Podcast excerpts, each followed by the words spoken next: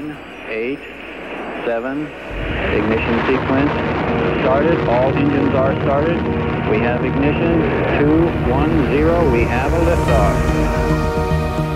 Welkom bij Sterrenstof, een programma over astronomie en ruimtevaart. Met interviews, het allerlaatste astronomie- en ruimtevaartnieuws en de sterrenhemel van deze maand. Presentatie Anko van Hal.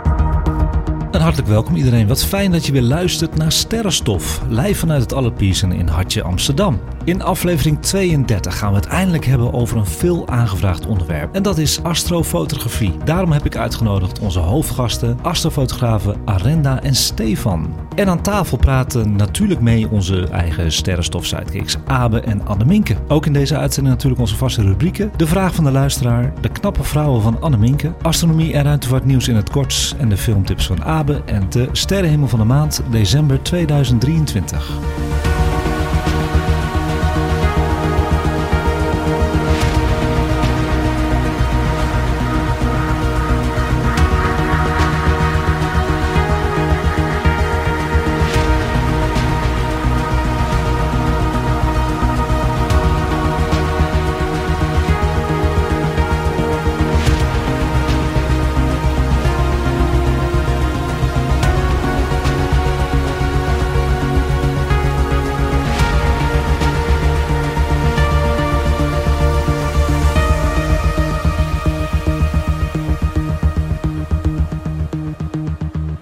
Welkom iedereen aan tafel. Een volle bak hebben we deze uitzending. Wat leuk zeg. Ik heb er helemaal zin in. En het was eh, rotweer, dus ik had wat afmeldingen verwacht. Maar ik denk, ja, met dit rotweer, wie komt er eigenlijk naar de uitzending? Maar iedereen is gekomen. Ja, waarom zou je niet komen? Zelfs door rotweer. Ja, Het is het lichtpuntje in al die, eh, in al die donkere dagen. het lichtpuntje van de donkere dagen. Nou, wat goed dat jullie aanwezig zijn eh, bij de feestdagenaflevering van Sterrenstof. En waarom een feestdagenaflevering? Omdat we natuurlijk een vrolijke, optimistische en gezellige podcast zijn. En we hebben een aantal astronomisch leuke cadeautips voor je deze uitzending. Hoe leuk is dat? Abe en Anneminke hebben jullie net gehoord. Hoe gaat het met jullie? Goed. Het gaat goed. Ja. Mooi. Ja. Abe ook alles goed. Eh, kan beter, maar eh, ik ben wel heel blij om hier te zijn. Laat ik het zo zeggen. Je klinkt een beetje verkouden, klopt dat? Eh, klein beetje. Het was afgelopen week veel erger. Nu ben ik eh, weer stukken beter. Ja, Maar ik zat vorige maand in een verhuizing en die is nog steeds niet afgelopen. Dus dat geeft daar, stress. eh, dat geeft stress. Dat, dat is begrijp in ik. notendop. Maar ik ben heel blij dat we hier nu... Ja, ja, ja, dat is goed. Fijn dat je dat zegt. Dat is een heel positief geluid. Eh, Erik is er ook. Erik is ziekig. En helemaal stoer dat je er bent. Erik, dank je wel. Hartstikke leuk, jongen. En ook aan tafel natuurlijk onze hoofdgasten van deze maand. Arenda Schuurman en Stefan Bismeijer. Alle twee astrofotografen. Eindelijk zijn jullie er. Hartstikke leuk. We zijn eigenlijk al maanden bezig om jullie hier naartoe te krijgen. We gaan zo meteen uitgebreid met jullie praten over hoe je nou foto's maakt van al die mooie objecten aan de hemel. En we hebben dit keer weer eens een vaste luisteraar in het publiek. En dat is Ramon Robbenmond. Dag Ramon. DJ Never Surrender op Instagram. Hartstikke goed, kunnen jullie allemaal opzoeken. Jij hebt inmiddels ook gewaagd een astrofotografie, eh, Ramon. Dus je zit eigenlijk precies in de goede aflevering toevallig, hè? Goed bezig, goed bezig. Je hebt ook een astrofotografie Instagram. Ja, dat is Space Shot, eh, official Space Shots op Instagram. En dat heb ik voor de lol aangemaakt. Ja, Omdat eh, op mijn artiestenaccount, ja, ik was ges- ge- echt geschokt als ik daar iets deel. Hoeveel leuke reacties je krijgt en hoeveel mensen ermee bezig zijn. ja, toch wel hè? Maar toch wil ik niet iedereen helemaal eh, blijven spammen. Dus ik heb gewoon een accountje erbij gemaakt. En dan Ja. kunnen mensen lekker kijken wat ik als hobby doe. Ja, je bent net begonnen. Ja, Dus je gaat heel veel leren in deze uitzending. ja zeker. We zaten net al, eh, had ik al genoeg vragen en eh wat er al leuk over. Dus- Nou, zullen we afspreken dat als je vragen hebt, mag je het gewoon stellen in de podcast, oké? Ja, superleuk, dank En je. je hebt het verdiend, want je hebt taart meegenomen voor ons. Ja, ja, ja, ja, ja. Goed bezig. Doe je goed. Binnenkomen. Ja, Arena is met de vrouw gekomen. Hartstikke gezellig. Arena, welkom. Ja, dankjewel. Hartstikke leuk hier te zijn. Ja, leuk. En je werkt ook bij Ganymedes. Klopt helemaal. De, de telescopenwinkel van Nederland. Daar moet een jingle van komen. Stefan, eh, die heb ik ontmoet in de winkel van Ganymedes. Ja, dat klopt. Ik was daar heerlijk aan het koffie drinken. Doe ik wel eens vaker bij Ganymedes. Ga ik eventjes gewoon eventjes eh, lekker aan tafel zitten. Toen kwam je langs en toen hebben we een leuk gesprek gehad over jouw Eh, fotografie. Ja, ik ging een camera kopen, geloof ik. Of omruilen. En toen kwam ik jou tegen en toen vroeg jij... wat eh, voor foto's maak je daarmee? En toen zei ik, astrofoto's. Ja. En toen dacht ik van, yes, die gaan we binnenhalen. En wat bleek, dat ik jou al lang volgde op Instagram. Ja, klopt. Dus ik En- was al fan eigenlijk van je. Ja, ja. Ja, ja. we hebben toen contactgegevens uitgewisseld. eh, hè, met het doel om een keertje hier aan tafel te zitten met z'n tweeën. Of nou, Ja. met z'n allen natuurlijk. Ja.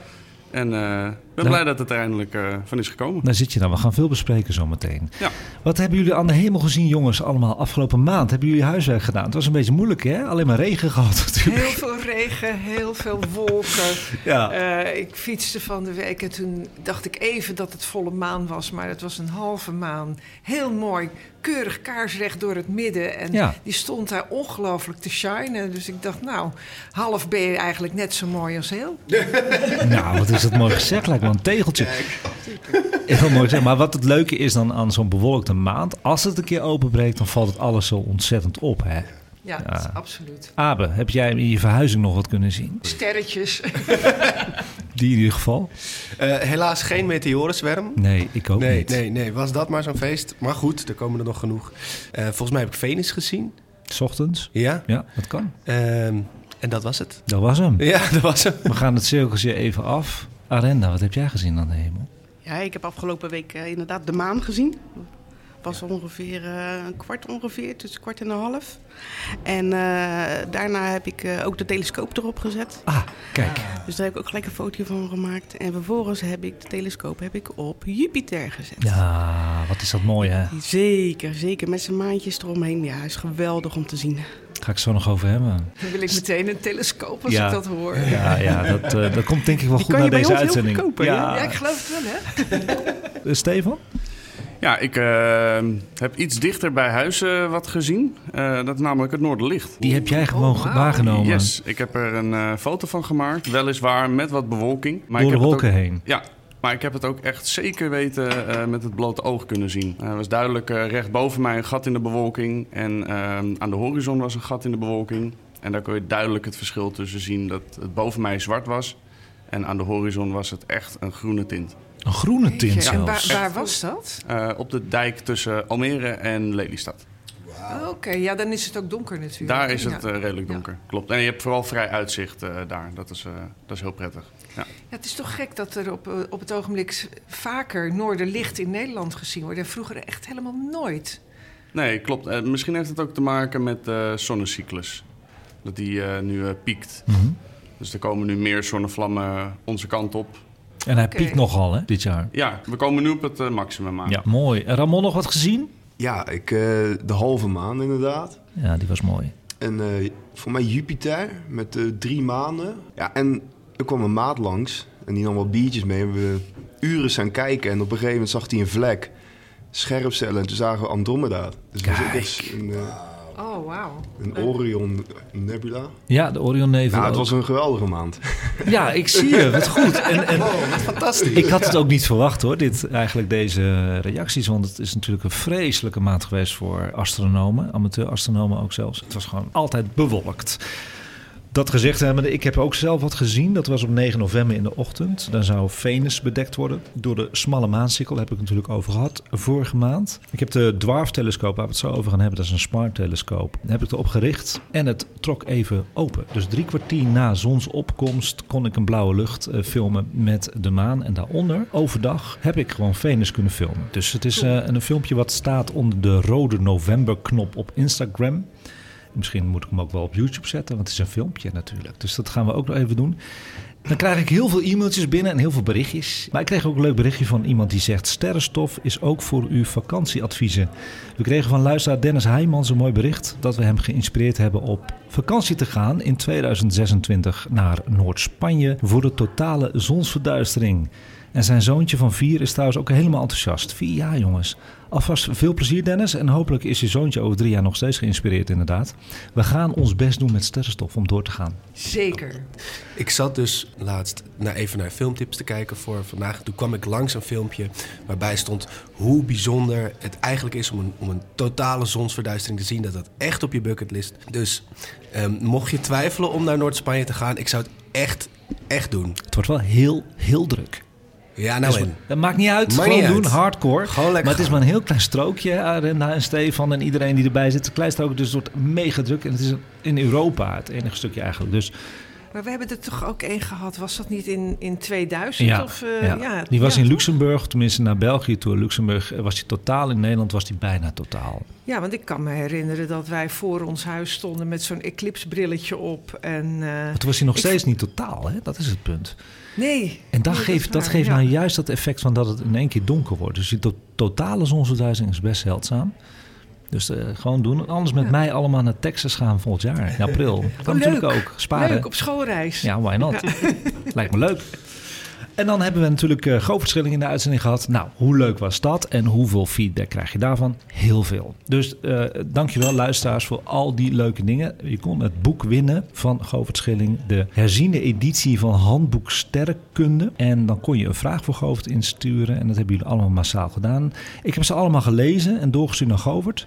En het waren echt allemaal fantastische vragen. Een hele leuke vraag, echt waar. Zoals dat zelfs nog een Sinterklaas er dichtbij als vraagt.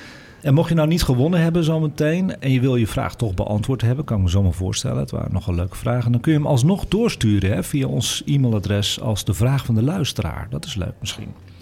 Govert heeft mij beantwoord. En die zegt de leukste vraag en ook denk ik het leukst voor luisteraars om het antwoord te horen omdat ze zichzelf misschien dit nooit hebben afgevraagd, vind ik van Laura Flemings. En die vraagt: waarom zijn de meeste planeten of sterren rond? Ja, dat is natuurlijk voor ons zo klaar als een klontje, maar waarom is dat?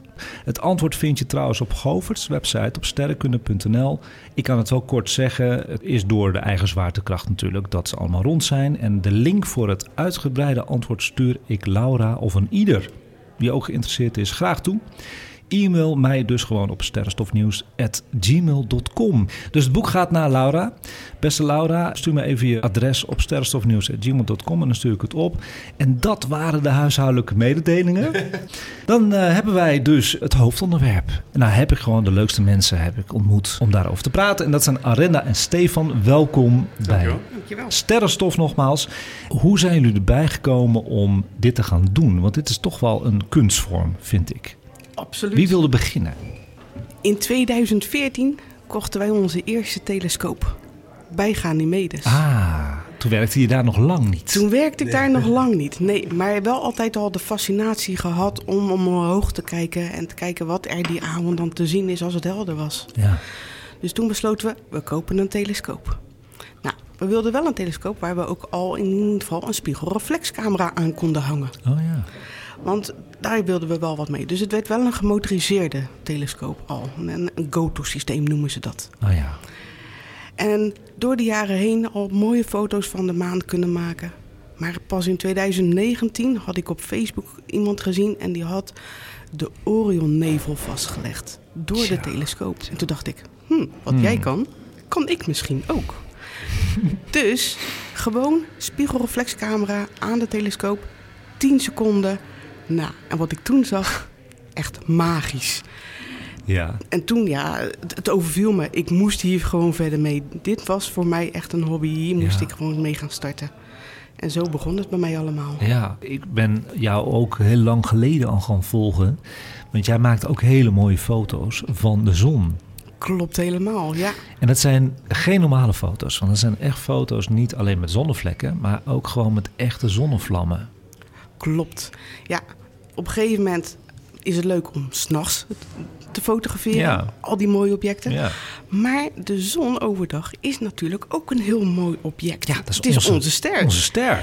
Dus, ja, nou ja, dan maar flink sparen. Ja. En toen konden we dus inderdaad een echte zonnetelescoop kopen. Ja, Een zonnetelescoop. Dus echt wel telescopen alleen voor de zon. Juist, ja. En daarmee kan je dus echt veilig naar de zon kijken. En dus inderdaad ook zonnevlammen zien.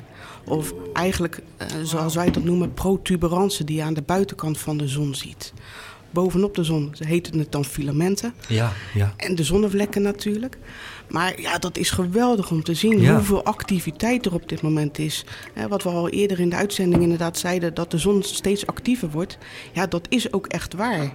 Dat moet voor jou fantastisch zijn deze tijd. Ja, dit is geweldig. Eh, Maar wat zie je dan voor meer activiteit? Zie je echt meer zonnevlammen nu dan? Zonnevlammen, zonnevlekken. Dat, dat is wat je inderdaad dan steeds meer ziet. Zo. Zijn, eh, we keken het jaar daarvoor, eh, maar dan eigenlijk door de telescoop, maar dan met een zonnefilter ervoor. Dan zie je alleen de zonnevlekken. Ja. Ja, dan waren er gewoon hele periodes dat je geen zonnevlek zag. Nee, dat klopt. Maar het afgelopen jaar, en dat is ge- gewoon gigantisch gestegen aan de hoeveelheid zonnevlekken die er te zien zijn. Ja. Dus zoveel actiever is die aan het worden al. Ja. En daarmee eh, besloten we van, nou, dan gaan we een zonnetelescoop kopen, een zonnetelescoop gekocht. Ja, en dan wil ik daar graag natuurlijk ook foto's van maken. Dus zodoende ben ik daar inderdaad mee begonnen. En eigenlijk hoe het werkt, is dat je filmpjes maakt. Je maakt korte filmpjes van de zon. Oké. En een filmpje bestaat uit een x-aantal frames per seconde. Ja. En dan hou je dat door software heen en die haalt dan de beste 10% van de frames bijvoorbeeld. En die stapelt die dan op elkaar. En daar maak je dan uiteindelijk je foto van. Dat stapelen, dat heet stacking, hè? als je dat Klopt. opzoekt op Google. Dus dat doet de computer voor je, hè? allemaal stapelen. Dat doet- is een ja. programmaatje voor. Zeker, ja. Autostakkert. Oké. Maar zo'n eh, actieve zon, hè? want het is dan nu actiever dan anders, of dan voorgaande jaren misschien, als ik het goed zeg.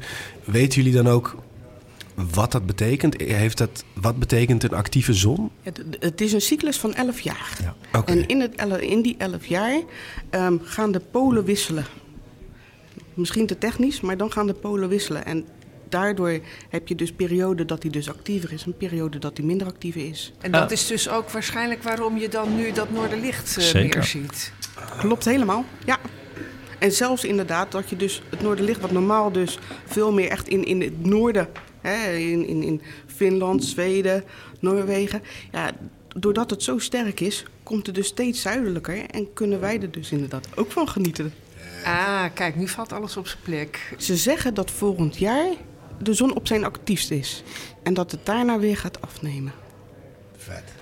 Dus tot volgend jaar hebben we nog steeds kans om hier Poollicht te zien. Ja, zeker nu in de wintermaanden. Ja. Veel omhoog kijken dus. Ja, nou, ik was ook heel verbaasd eh, toen jij dat net zei van een zonnetelescoop. Dan kun je dus veilig naar de zon kijken. Want ik dacht eerst van ja, hoe maak je in godsnaam foto's van de zon? Dan, dan verpest je je ogen. Nee, klopt. Er zit een speciaal blokkingfilter voor.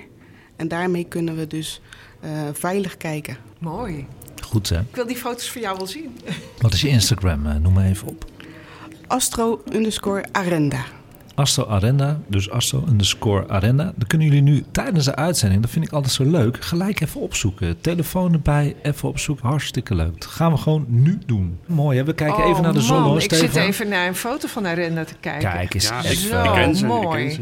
Dit is echt, dit is echt heel heel mooi. erg mooi. Oh, Dit heb jij dit gemaakt. is- ik gemaakt. Ja. Nou, ik eh, adviseer de luister, wij adviseren de luisteraars echt, heel erg om even naar kijken, Astro dit is echt te gaan. Ja, ik ben echt fan. Ja. Ik ben echt fan. Dus, eh, En we je gaan ziet zo echt zonnevlammen. Ja, dit is De fantastisch. zon is helemaal ja, bijna in, in, in... Je ziet niet alleen een rondje, je ziet echt de diepte van de zon ook. Het is echt heel gaaf. Ja, je ziet de hele structuur gewoon. Ja. Wat je dus eigenlijk eh, ziet, hoe het, eh, hoe het oppervlakte van de zon is, kan je een beetje vergelijken met een frituurpan. Hoe het in de frituurpan gaat altijd borrelen. En Ja. Dat is de oppervlakte van de zon. Nou, dat leg je ook een klein beetje vast. Ja, ja, je ziet ook aan de buitenranden, hè, zie je gewoon de vlammen eruit komen. Klopt, ja. Ja, Ja, daar worden we heel blij van. ja zeker. Prachtig. En dan gaan we nu naar Stefan. Want Stefan, jij, oh, je hebt ook mooie foto's. Gaan we ook naar kijken. Zo gaat er weer een O en A komen. Ja. Hoe, be- hoe, hoe ben jij begonnen? Eh, nou, ik heb altijd wel een gezonde interesse gehad in eh, omhoog kijken. Wat gebeurt er allemaal? Eh, nou, vooral ja, op vakanties eh, naar het zuiden. Dat is het allemaal een stuk eh, beter allemaal te zien. Ja. was altijd s'nachts uh, vallende sterren kijken. En, ja, en toen zag ik op het nieuws dat er een komeet voorbij kwam, Neowise. Oké, okay, ja, dat is de komeet geweest. Juist. En ik dacht, nou dat, die, die moet ik gewoon proberen te zien. En helemaal nog geen kennis van zaken ben ik naar de dijk gegaan. Tussen Almere en Lelystad. Nou, ik uh, wist ongeveer welke kant ik op moest kijken, maar ik kon hem niet vinden. Maar er stond ook een hele grote groep met uh, uh, heren, allemaal met kijkers dezelfde kant op. Ik denk, die moet ik even vragen waar ze naar kijken, want Heel ik had natuurlijk wel een vermoeden. Mm -hmm. Dus ja, zodoende ben ik erin gerold. dat was namelijk de sterrenwacht van Almere, die stond daar. Ik heb me daar toen aangesloten. Twee weken later had ik mijn eigen telescoop en ik denk drie dagen later dat ik mijn telescoop binnen had, hing mijn camera erachter. Oké, heel Ik, snel. eh, ja, dat ging heel snel. Ehm, ja, een camera ziet zoveel meer dan het menselijk oog.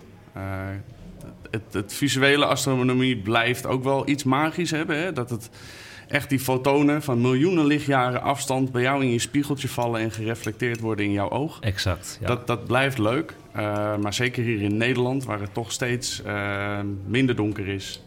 Eh ja, wint de camera het gewoon voor mij.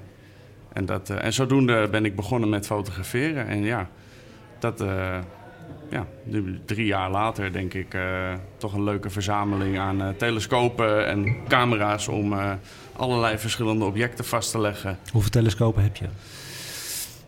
Je kunt ze wel tellen nog, toch? Of niet? Ja, ik, ik kan ze nog wel tellen. Ik heb er nu, eh even kijken, vijf. En dat is met, Oh. eh, met een, eh, een visuele telescoop er ook bij. Oké. Ja. Cool. Dus er staat hier ook wat op tafel, toch? Ja. Of mag dat, eh, Ja, is dat dus, voor nu? eh? Ja, nee, je mag alles zeggen. ja, nee, klopt. Ja, Ja, dat is ik ben mijn, eh, super geïntrigeerd. ja. Wat is dit? Dat is mijn nieuwste, nieuwste aanwinst, de Seastar van ZWO. Dat is eh, ook een smart telescoop. Makkelijker wordt het niet. Nee, dat is waar. We gaan zo meteen over die smart telescopen uitgebreider hebben. Vind ik ook wel leuk voor de luisteraars. Misschien is dat een leuke aanschafwaarde. En toegankelijk ook voor de luisteraars. Er staat, Ja. Daarnaast staat mijn dwarf. Hij is ook een dwarf, is een kleintje. Maar je kan hem even omdraaien, Abe. Dan zie je echt dat hij... Ja, draai maar om. Dan zie je dat hij echt twee oogjes heeft ook. Voor jou even. Zie je dat? Het is Oh. echt een hele schattige. We keken tegen de achterkant Ja, aan. en die dwarf, dat, eh, dat doet eigenlijk een beetje hetzelfde als Seastar. Alleen er zijn wel verschillen. Dus er zijn voordelen eh, voor de Seastar en voordelen voor de dwarf. Dat zeg ik goed, hè jongens? Zeker. We gaan even naar de Instagram van Stefan.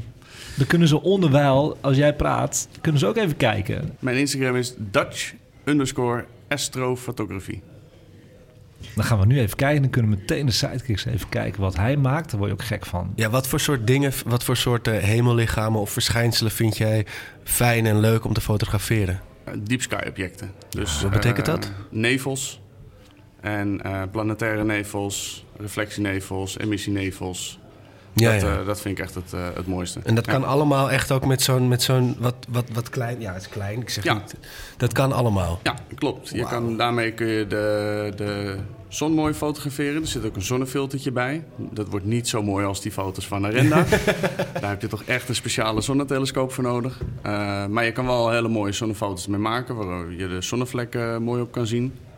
En maanfoto's kun je er mooi mee maken. En ook eh deep sky objecten. Er zit ook een ingebouwd eh, lichtfiltertje in... tegen de lichtvervuiling. Dus eh, die kun je ook inschakelen. En dan kun je heel mooi al eh, emissienevels mee fotograferen. Dat gaat heel goed. En wat zijn emissienevels? Even uit te leggen. Dat zijn wolken gas in de lucht. En die, die lichten op door nabije sterren. De energie van die sterren die, die doet dat gas oplichten. Dat is Ja. zuurstof en waterstof. Dat is het voornaamste wat we, wat we vastleggen. Ja, dat is niet normaal. Ik zie het hier even, de eerste, de beste foto.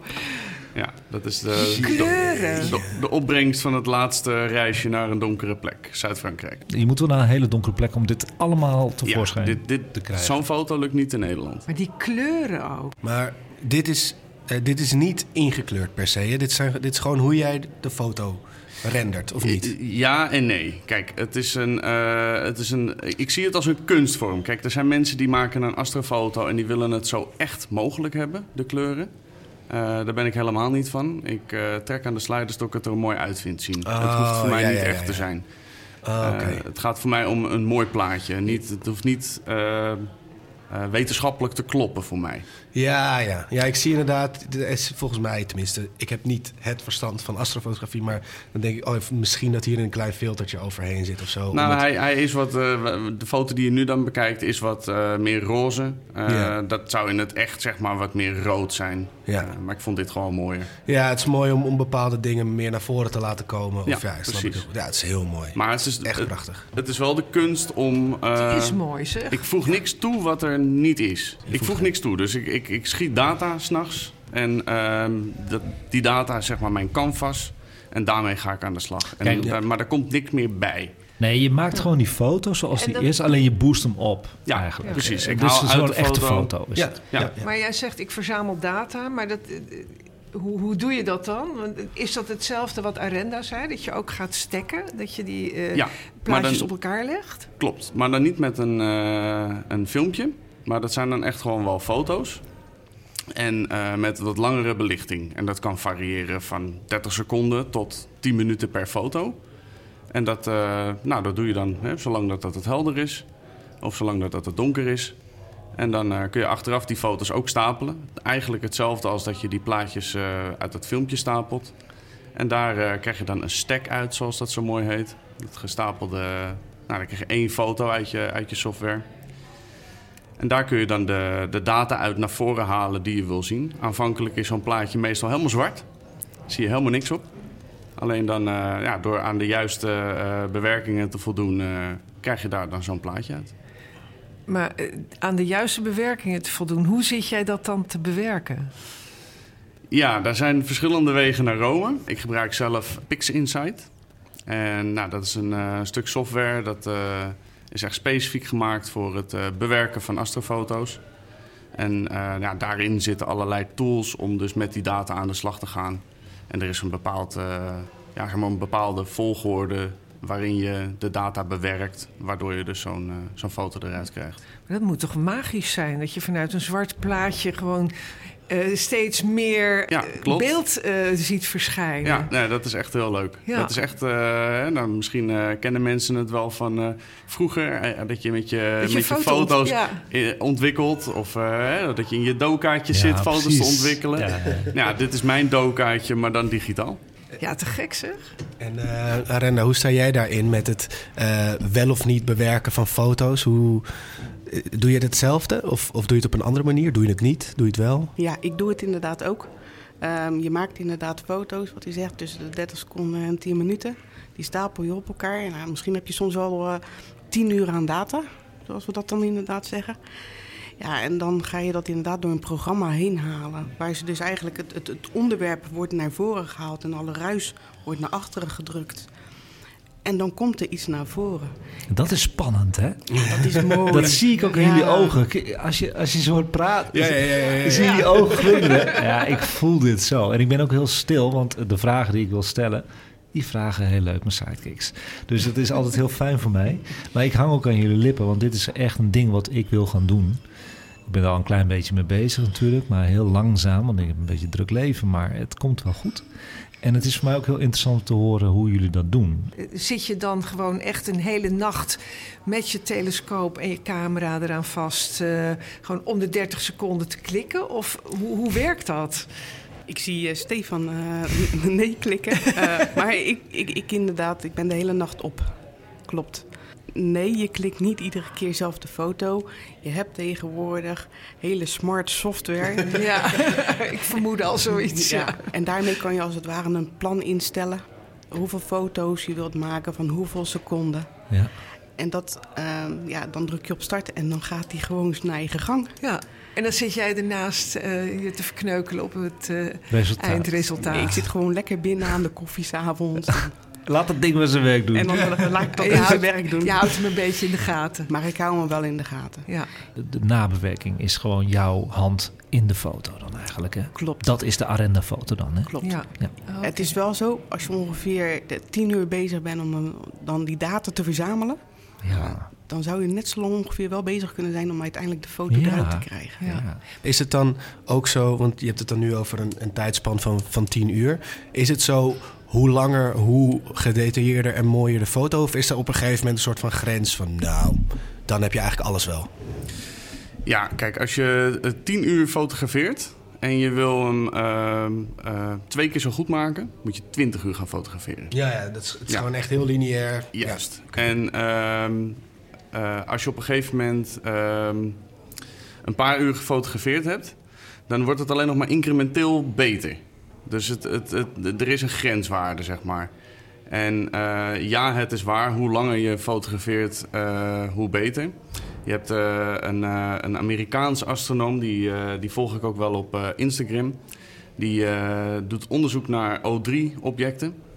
En als hij dan wat vindt, dan gaat hij ze fotograferen. Maar die zijn dus zo vaag dat hij sommige foto's wel 120 uur belicht voordat hij daar een degelijk plaatje uit kan krijgen. Noem eens zo'n object, een, een beetje praktisch. Ja, wat is een O3-object? Uh, dat is een, een, een, een zuurstofobject. En dat zijn dus objecten die dan blauw oplichten uh, in je foto. Ja, ik, ik weet die namen niet van die objecten, want hij ontdekt ze dus zelf. Ah. Dus een jonge, jonge Amerikaan, die, die is dus bezig met, uh, met die objecten aan het uh, ontdekken. Zo. En die post er ook mooie plaatjes van. Maar goed, om dat soort vage objecten dus vast te leggen... heb je echt tientallen uren aan data nodig. De heldere objecten, neem bijvoorbeeld de Orionnevel... die kan wel heel mooi vastleggen in een uur bijvoorbeeld. Ja. Andromeda dus dat... ook wel denk ik. Andromeda gaat ook al ja. heel goed. Ja. Je hebt je pollicht heb jij gefotografeerd. Ik kan klopt. me voorstellen dat ga je niet fotograferen met de telescoop. Nee, klopt. De, hoe doe je dat dan? Voor, voor, ook voor de mensen die niet een telescoop hebben, is pollicht te fotograferen, toch? Ja, klopt. Dat lukt al gewoon met je smartphone. Met je smartphone. Dus ja. je zet hem wat meer open, de smartphone. Wel met de nieuwe, hè? 13 Pro misschien? Ja, dat, dat gaat natuurlijk sowieso beter ja, als je een wat nieuwer uh, smartphone hebt. Statiefje um, erop. Dat sowieso. Je kan hem ook ergens neerzetten. Ja, dat Horen uh, dat, dat werkt goed? ook vaak uh, heel goed. Uh, voorheen ja. deed ik het altijd tegen de dakrails van mijn auto aan. Dus ja, telefoon heb ik ook gedaan met de van de sterren. Boven ja. op mijn auto. Ja. En uh, ik had nu dan het pollicht gewoon met een uh, simpel uh, point-and-shoot cameraatje. Gewoon zo'n vakantiecameraatje. Oh, ja. Zet je de sluiter 30 seconden open en dan kijk je wat er gebeurt. Ja, zo simpel kan het zijn. Precies. Oh, wat leuk. Dus je begint gewoon met je smartphone en je eindigt met vijf telescopen. Ja, ja, ja, ja, ja, ja zo gaat het. En, en volgens mij, het zou kunnen dat jij dit al wel eens benoemd hebt, Anko, maar heb je hier ook speciale apps voor op je telefoon? Of gewoon je camera, daar red je het al mee? Uh, nou, het verschilt een beetje per toestel. Uh, de meeste toestellen die kunnen wel uh, sluitertijd bijvoorbeeld instellen. Mhm. Dat is wel belangrijk. Ehm, en anders zijn er verschillende apps. Eh, ik weet ze zo niet te noemen, want mijn telefoon die doet gewoon standaard al de, de sluitertijd eh, instellen. En je hebt vijf telescopen. Precies, ja, ja, ja. Maar ja, het is, het is soms ook wel leuk om gewoon met, uh, met de telefoon wat te doen. Ja, ja, ja. En ik heb ze ook niet altijd bij me, dus... Nee, precies. We gaan uh, de stapjes maken, heel logisch nu. iPhone. Dan gaan we naar de meest toegankelijke telescoop waar je foto's mee kan maken. En dan kijk even Ramon aan. En ik denk dat ik het niet oneerbiedig zeg, maar jij hebt bij Ganymedes een telescoop gekocht waar de smartphone op gemonteerd kan worden. Ja, dat klopt. Dat was uh, Celestron, zeg ik dat goed? Ja, StarSense. StarSense Explorer 80 AZ. Of zo. Ja. En jij bent naar die winkel gegaan natuurlijk en je hebt gezegd: ik wil gewoon een keertje Saturnus fotograferen uh, met de ringen, natuurlijk uh, Jupiter met de maantjes en de maankraters en zo. En toen kreeg je deze telescoop aangeboden. Um, nou, ik ben er niet naartoe gegaan. Oh. Ik heb echt gemaild. Ik Ah. heb gewoon gezegd van, ik woon hier. Ja. Um, ik heb een achtertuin en een balkon. Um, en toen ging ze helemaal kijken wat de lichtvervuiling kon zijn in mijn regio. Wat ze het beste zouden aan, wat, wat jullie het beste aanraden. En daar, zo heb ik zeg maar deze telescoop online wow. gekocht. Goed zeg. Dat is echt top. Ja. Oh, wat een goede service is dat. Ja, ga niet mee dus jongens. ja, nee, ik zeg, ik, ik, zeg niet om te sluimen, maar ik vind het echt heel bijzonder dat, dat ook zelfs de lichtvervuiling bij jou in de buurt uh, mede ja. een rol speelt in, in wat ja. je gaat. Uh... Ja, daadwerkelijk werd er wel naar gekeken, ja. En, en daar kan je telefoon op en dan kan je mooi iets instellen van um, help me bij het zoeken naar Jupiter of zo. Ja. En daar helpt hij dan bij. En ja. um, er zijn nu echt veel collega's ook van mij die uh, hun um, die willen gaan inleveren, die deze ook willen. Kijk eens telescoop, even, kijk want het is even. echt leuk. Ja. Dat is mooi. Dat is ja, leuk om te horen. Ja. Dan hebben we, dankjewel Ramon. Ja. En als ik je weer nodig heb, dan roep ik je weer.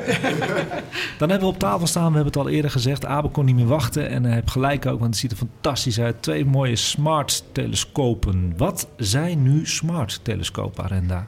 Wat ik wel even wil zeggen is dat als ik dit zonder enige kennis zou zien staan, dan Ja. zou ik echt denken: wat is dit? Ja, Want die, eh, wat is dat? Die C. Seastar. Seastar. Die ziet er meer uit als een soort eh, speaker met, eh, met een klein eh, lensje erop of zo. Oh, ja. Of een, een, een, een apart doosje. of zo. Ja, ja. ja. Ja, en die andere ook. Dat ik denk van, oh ja, dat is natuurlijk zo'n snelheidsmeter voor Oh. waar de politie mee langs de weg staat. Ja, ja, interessant. Ja, Maar het zijn dus telescopen. Ja, daar heb ik een heel ander beeld van, zo'n lange buis. Ja. Maar dat is dus niet meer zo. en daarom is het zo leuk om er even over te hebben. Klopt, ja. Dat zijn allebei smart telescopen, Ja. wat je inderdaad al, al zegt. Dat is een alles in één oplossing. Er zit een camera in. Ja, Er zitten filters in. Hij staat op een statief. Het is een montering. Software om hem te bedienen. Ja. Ja, dat, dat is gewoon echt een alles in één oplossing wat je ermee kan. Dus uh, je zet hem aan, je start de app op. Ja. Je maakt er verbinding mee. Via je telefoon, ja. Via je telefoon. En je zegt, um, ik wil de zon fotograferen of ik ga naar de zon. Of je wilt de maan doen of je wilt een deep sky object doen. Dus en hij gaat erheen. Ja, dus je hebt geen aparte camera nodig? Hier zit al een camera die in. zit er al in? Zit ja. er al in, ja. En de Dwarf die heeft zelfs uh, twee lenzen. Een uh, telelens en een widefield lens. En daar kan je dus ook nog tussen wisselen. En de, zelfs de dwarf kan je ook nog overdag gebruiken. Ja. Bijvoorbeeld als je naar een meer zou gaan en je ziet daar een boot voor langs varen, dan kan je zeggen: volg de boot. En dan gaat hij helemaal zelf de boot ook nog eens volgen. Wow. Ja, dat is hartstikke leuk. Oh, dus het is Ja. niet alleen astrofotografie, maar uh, je kunt ook nog andere foto's ermee maken. Zeker, met allebei. Ja. Met allebei, oké. Ze hebben allebei hebben ze dus ook inderdaad een menu voor, uh, voor de zon. Dus je kan ook hiermee uh, met een speciaal filter ervoor... kan je naar de zon en kan je de zonnevlekken fotograferen. Wat is nou het grote verschil met jouw zonnetelescoop en bijvoorbeeld een dwarf? Tussen mijn zonnetelescoop en de dwarf... Uh, niet alleen dus de, de resolutie... maar een, een zonnetelescoop die is uh, met een speciaal blokkingfilter... Uh, dat je enkel en alleen echt het H-alpha doorlaat... waardoor je dus ook die zonnevlammen kan zien. En dan kan je met een, een smart telescoop eigenlijk niet, hè? Nee, daar zie je wel de zonnevlekken mee. Ja, klopt. Maar uh, niet de zonnevlammen. Dat wilde ik even duidelijk hebben voor de luisteraar. Wel leuk voor Ja. een smart telescoop is dus die zonnevlekken bekijken. Absoluut, want dat verandert iedere dag weer. Ja. Door de dag heen zelfs. En hoe blij was ik om die dwarf mee te nemen voor de zonsverduistering. Dat deed hij ook mooi. En hij volgde ook de zon en je zag zo die maan ervoor gaan en weer weggaan. Dat Geweldig. doen ze alle twee, hè, Stefan? Eh, Volgen. Klopt, de Seastar die volgt ook. Ik denk dat het vergelijkbaar werkt. Ja. Wat zouden de verschillen zijn tussen deze twee? Wat we net inderdaad al noemden is dat de dwarf dus inderdaad een telelens en een widefield lens heeft. Dat is al een verschil, ja. Eh, de, die Seastar heeft één camera, dus één lens als het ware. Er zit een, iets uh, aan, aan gewichtverschil in. De Seastar weegt 3 kilogram en de dwarf weegt 1,2 kilogram. Mm -hmm. Wat zie je nog meer qua verschil? De grootte natuurlijk, dus mm -hmm. vandaar ook het verschil in gewicht. Uh, de brandpuntafstand tussen de twee is er ook. De een heeft in principe een brandpuntafstand van 250 mm en de andere een brandpunt van 100 mm, die eigenlijk digitaal richting tussen de 500 en 600 mm uh, wordt gebracht. Wat maakt het uit wat het brandpuntverschil afstand is? Wat doet dat met een uh, uiteindelijke foto of een, het gebruik ervan? De dwarf geeft een horizontaal beeld, terwijl de Seastar geeft een verticaal beeld. Dat is wel een groot verschil Oh ja, inderdaad tussen de twee. De uh, camera's die erin zitten verschillen iets, waardoor je eigenlijk met de dwarf een wat groter gebied pakt dan dat je die weer met de Seastar pakt. Maar allebei kan je gewoon heel leuk de objecten fotograferen van deep sky objecten, de zon, de maan. Ja, en dan zeg je één ding bewust niet, planeten. Dat doet hij eigenlijk niet zo goed, hè? Nee, daarvoor is het brandpuntafstand te klein. Dat is het. En dat is belangrijk even weer om te vertellen. ja, ja. Klopt. Dus hij doet veel, ze doen veel, Ja. maar geen planeetjes. Dat moeten we wel even tegen de luisteraars zeggen. Klopt. Je kan wel planeten doen, maar we hebben heel weinig details. Je ziet dan gewoon een, eh, een, een stipje. Bijna wel, ja. Ja. en Jupiter zou je nog wat maatjes kunnen zien, misschien. Klopt. Ja. Ja. Stefan, wat heb jij gefotografeerd met de Seastar, waar je heel blij van werd? Ik heb uh, verschillende deep sky objecten ermee gefotografeerd. Mhm. De maan, de zon. Nou, dat gaat allemaal heel gemakkelijk. Allemaal via de, via de app. Kies je wat je wil zien. Dat gaat hij dan automatisch doen. Ja. En uh, met Deep Sky krijg je bijvoorbeeld een optelsommetje. Dus hij gaat uh, foto's maken van 10 seconden. Oké. En die gaat hij dan automatisch gaat hij die live voor jou stacken. Live stacking. Dat is ook fijn. Ja. Dus je, je krijgt het eerste plaatje binnen en dan denk je... nou, goh, hè, ja, ik zie wat sterren en ik zie een beetje iets van uh, neveligheid... als het een helder object is. Maar nagelang dat uh, dat apparaat langer bezig is... wordt het uh, plaatje steeds duidelijker. En dan, Hij stapelt gewoon live eigenlijk die spulletjes voor je al op. Klopt, ja. Oh, wauw. Ja. Dat is wel bijzonder. Ja, dus het is, het is echt zeer, zeer toegankelijk uh, om, uh, om mee te beginnen. Als je astrofotografie uh, interessant vindt, maar niet zo goed weet waar je moet beginnen... of dat je software lastig vindt, of, dat is allemaal best begrijpelijk. De, Mhm. mm -hmm. de leercurve is zeer, zeer stijl. En uh, ja, dit, dit opent gewoon deuren om, om er leuk mee uh, van start te gaan. Ook financieel gezien. Want uh, vergeleken met een volledige astrotelescoop setup is dit niet duur. Nou, ja. Vertel de prijzen maar, dat kan best hoor. De dwarf is op dit moment 5,99. Aha. En de Seastar is 799. Ah, kijk. En er is ook een heel mooi filmpje door Arenda gemaakt op YouTube. Een review over de dwarf, hè? Ja, klopt. Inderdaad, toen ik in uh, afgelopen zomer de dwarf heb getest. Ja. En uh, ja, toen vond ik het wel leuk om daar inderdaad een review over te schrijven. Ja. Hoe die het nou daadwerkelijk doet. Juist omdat dit zo'n leuke smart telescoop is die zo toegankelijk nu is voor iedereen. Ja. Leuk om mee te nemen op reis. Echt iets voor iemand die wil beginnen met astrofotografie. Ja, is zo'n smart telescoop hartstikke leuk. En ook de dwarf stapelt dus al terwijl die dus foto's maakt. Ja. Hij slaat ook de foto's afzonderlijk op. Mhm. Maar ook, je kan dus inderdaad op je schermpje van je mobiel of je tablet al zien hoe iets naar voren begint te komen. Het filmpje van Arenda staat uh, op onze aanbevolen playlist nu bij uh, Sterrenstof YouTube. Dus allemaal even kijken. Uh, je zegt van deze is niet echt geschikt voor planeten. En waar, waar moet je dan aan denken als je, als je echt planeten wil gaan fotograferen? In ieder geval een telescoop met een lang brandpuntafstand. Want hoe groter het brandpuntafstand, hoe meer details je van planeten gaat zien. Kijk, planeten staan ver weg, dus ze blijven altijd heel klein. Maar je kan wel meer details gaan zien.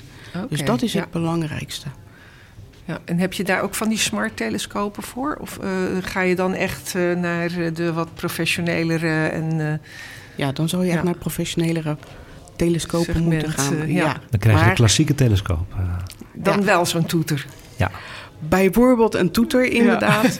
um, maar Ramon kan ook wel hele leuke foto's met uh, zijn telescoop daarmee maken. Okay. Omdat hij al een ja. telescoop heeft met een redelijk lang brandpuntafstand. Dan heb je een telescoop waar je dan echt je camera aan verbindt. Dus niet ingebouwd. Klopt. En eigenlijk alle telescopen wel. Hè? Dan heb je dat je een camera bij moet doen, toch? Die zitten meestal toch niet ingebouwd in een uh, toeter om het even zo te zeggen. Nee, dat komt misschien wel steeds meer, want dat zie je nu inderdaad ook met de Dwarf en de Seastar. Ja.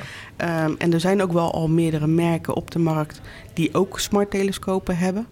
Maar ja, wie weet ligt daar ook wel wat meer dan de toekomst. Dat zou de toekomst kunnen zijn. Wat is je favoriete telescoop, Stefan, die je thuis hebt?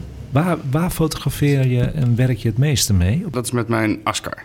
Ik heb een uh, Ascar de, uh, FRA 400, een apochromatische telescoop.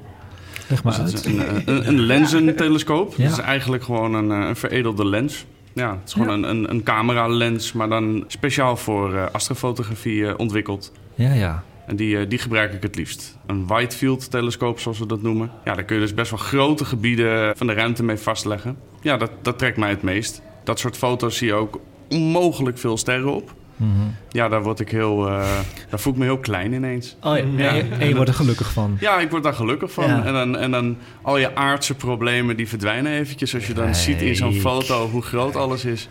Ja, precies hetzelfde. ik denk dat dat ook het, het genot is van een telescoop te hebben en naar de sterren te kijken, natuurlijk. Ja, want ik ga over. Uh, twee weken voor twee maanden naar Zuid-Amerika. Gaan we je twee maanden missen bij Sterrenstop? Ja, ja. Dat is een groot gat, uh, Abe. Ja, nou heb ik een hele grote rugzak mee... Uh, waar niet al te veel de, dure uh, apparatuur natuurlijk in moet. Maar ik zou wel heel graag gebruik maken van de, de mooie luchten daar... in nou ja, sommige woestijnen of, of Amazonegebieden. Wat kan ik wel meenemen wat relatief klein is... wat niet heel erg riskant is om in je, in je tas te hebben? Snappen jullie mijn vraag? Ja, Want ik wil wel echt mooi kijken of ik de lucht kan fotograferen. En dat eventueel ook naar Anko sturen. Ja, heel leuk. En dan gaan we allemaal delen. En wil je het dan voor visueel gebruiken of wil je ermee fotograferen? Nou, ik zou er heel graag foto's mee kunnen maken. Ik weet niet of dat uh, uh, realistisch is. Je zou natuurlijk een smart telescoop mee kunnen nemen. Ja, zo'n dwarf bijvoorbeeld. Bijvoorbeeld. Zijn er kleinere modellen of niet? Of is dit wel echt... Hier zit je wel echt aan een... Uh... Dit is wel echt inderdaad... Zo neem je mee. Zo neem je mee. Echt? Past ja. die daarin? Ja. ja. Nou. In zo'n tasje. Er zit alles in. Dat is voor mij heel handig geweest toen ik naar Amerika ging voor de zonsverduistering. Het is wel een groot verschil tussen die twee, hè? Want ja. dat, tasje, dat tasje is net zo groot als de Seastar. Ja, ja nee, dat die is ernaast waar. houdt. Ja. Nee, die, die, die dwarf, dat is eigenlijk het formaat van een grote föhn. Oh ja, Ja, dat is waar. haar. Dat is. Ja. Maar dan, dan raad je zo'n zo'n dwarf aan. Wel als je inderdaad wil fotograferen. Als je voor visueel, ja, dan kan je een reistelescoop meenemen. Ja, ja. Die zijn er ook. En die zitten vaak ook al in een rugtas. Maar het neemt best wel wat ruimte in natuurlijk. En anders, hè, als je echt visueel zou gaan, ja, een verrekijker. Ja, tuurlijk. Dat, dat is sowieso een hele goeie, ja. Ja, en daar zou je ook goed. een smartphone adapter op kunnen doen. En dan kan je wel weer met je smartphone foto's kunnen. Ja. Heb Kan je wel ik- een statief erbij. Kan ik dat bij jullie eh, halen, zo'n ding? Zeker, Waar je een, een verrekijker waar je een smartphone aan kan hangen? absoluut. Oké, top. Zeg even dat je bij Sterrenstof werkt. Ja. Ja. Nou, ik, eh, ik begin ook een beetje... Hè, hè, eindelijk, Annemieke. Hebberig te worden. Ja, het werd tijd. Ramon, jij zit daar heel leuk mee te luisteren ook. Hè? Heb jij nog vragen? Omdat ik snap dat jij daarin doorgaat in astrofotografie. Heb jij nog een vraag misschien die je beantwoord wil hebben? Veel vragen zijn al beantwoord, maar ehm, de nevels die je fotografeert, ik heb ze net niet kunnen zien nog, maar dat vind ik wel heel interessant. Je zegt ook dat je de foto's stackt. Dan gebruik je deze, maar die trackt dus ook die nevel dan zeg maar. En dan gaat hij automatisch al die foto's maken. Ja, je hebt dus twee, eigenlijk drie standen. Je hebt, eh, hoofdzakelijk heb je dus de, de Deep Sky stand. Daar gaat hij dus korte foto's van 10 seconden gaat hij stekken. Eh, je hebt de zon- en de maanstand. En in die standen kun je filmpjes gaan maken. Dus dan ga je echt zeg maar over op de planeetfotografie, zoals we dat noemen. Dus dat is uit een filmpje een foto creëren. In plaats van uit een aantal lange belichtingen een foto creëren. En op die manier, het heeft te maken met eh Deep Sky wil je eh, licht binnenhalen. En maak je wat minder druk om de seeing, zoals we dat noemen. Dat zijn de luchtrimpelingen hè, in, de, in de lucht. En eh, met het fotograferen van de zon of de maan maken we ons daar wel druk om. Want dan willen we juist die scherpte bijvoorbeeld in de maankrater zien. Die anders verpest wordt door de seeing. En door dan heel veel plaatjes bij elkaar te zetten... kun je dus eigenlijk een eh, samengesteld beeldje maken... waarin je dus zo min mogelijk seeing hebt. Dus hij pakt dan uit ieder framepje eh, een zo'n scherp mogelijk stukje van de maan... en daar maakt hij dan één, eh, één opname Hoef jij van. zelf niet meer te doen. Vroeger moest je dat zelf doen, hè, met stekken. Klopt, klopt. Ja. Nee, Dat- dat, dat, dat dat, hoeft dus met zo'n smart telescoop niet meer. Dat, eh, dat kan allemaal automatisch. Het is heel laagdrempelig dus. Ja, klopt. Ja, als je een smartphone kan besturen, dan kun je hiermee foto's maken. En ik heb ook nog een vraag. Ehm, heb je tips voor beginnende astrofotografen? Als je zegt van nou, ik heb het nooit gedaan. eh, waar begin ik? Wat doe ik? Ja, ik heb wel, wel wat tips. Ehm, ik ben ook vrijwilliger bij eh, Sterrenwacht Copernicus in eh, Overveen. En daar start ik binnenkort een cursus astrofotografie voor beginners. Kijk, Dus eh, we hebben al genoeg aanmeldingen om daadwerkelijk inderdaad te kunnen gaan beginnen. Dus dat is hartstikke leuk. Maar mocht er iemand nog eh, deel willen nemen, we hebben nog plek. De volgende tip is, je kan natuurlijk ook naar een specialistische winkel, zoals Ganymedes. Ja. En dan kunnen wij natuurlijk jullie voorzien van alle informatie. En daarnaast, de laatste tip. Je hebt voor deze hobby heel veel geduld nodig. Het is niet altijd helder. Want die zijn een beetje schaars. Maar geef niet op als het even tegen zit. Goed. nou, dat vind ik een hele goede tip. Goeie tips, dankjewel. Alsjeblieft. En ik heb eh, jullie beloofd aan het begin van de uitzending dat wij cadeautips gaan doen. Hè? Want het is natuurlijk een feestdagenuitzending. We hebben daardoor eventjes met Ganymedes gesproken. En eigenlijk speciaal voor sterrenstof-luisteraars eh, hebben we twee telescopen die je met 10% korting kan kopen. En dat zijn twee hele leuke telescopen. Kun je daar wat van eh, vertellen? Ja. Arenda? Want ik kan me voorstellen, net zoals eh Anneminke en Abe, dat jullie geïnspireerd zijn geraakt om toch een telescoopje te kopen. Ja, ik word helemaal warm van deze Ja, uitzending. ik zie het. Wordt allemaal een beetje warm. Die hebberige blik is Ja, ja, ja, ja. Zeker. En deze aanbieding is eh, geldig tot het einde van het jaar. Kijk, dus snel zijn ook. Absoluut. Tot en met 31 december geldig. Dus wij hebben twee eh, telescopen uitgezocht. De eerste is de Celestron PowerSeeker 60AZ. En deze telescoop is uitstekend geschikt voor het beginnen met waarnemen van de maan en planeten. Aha. Een echte beginnerstelescoop voor de jonge beginnende waarnemer. De tweede telescoop is de Celestron Astromaster 90 EQ.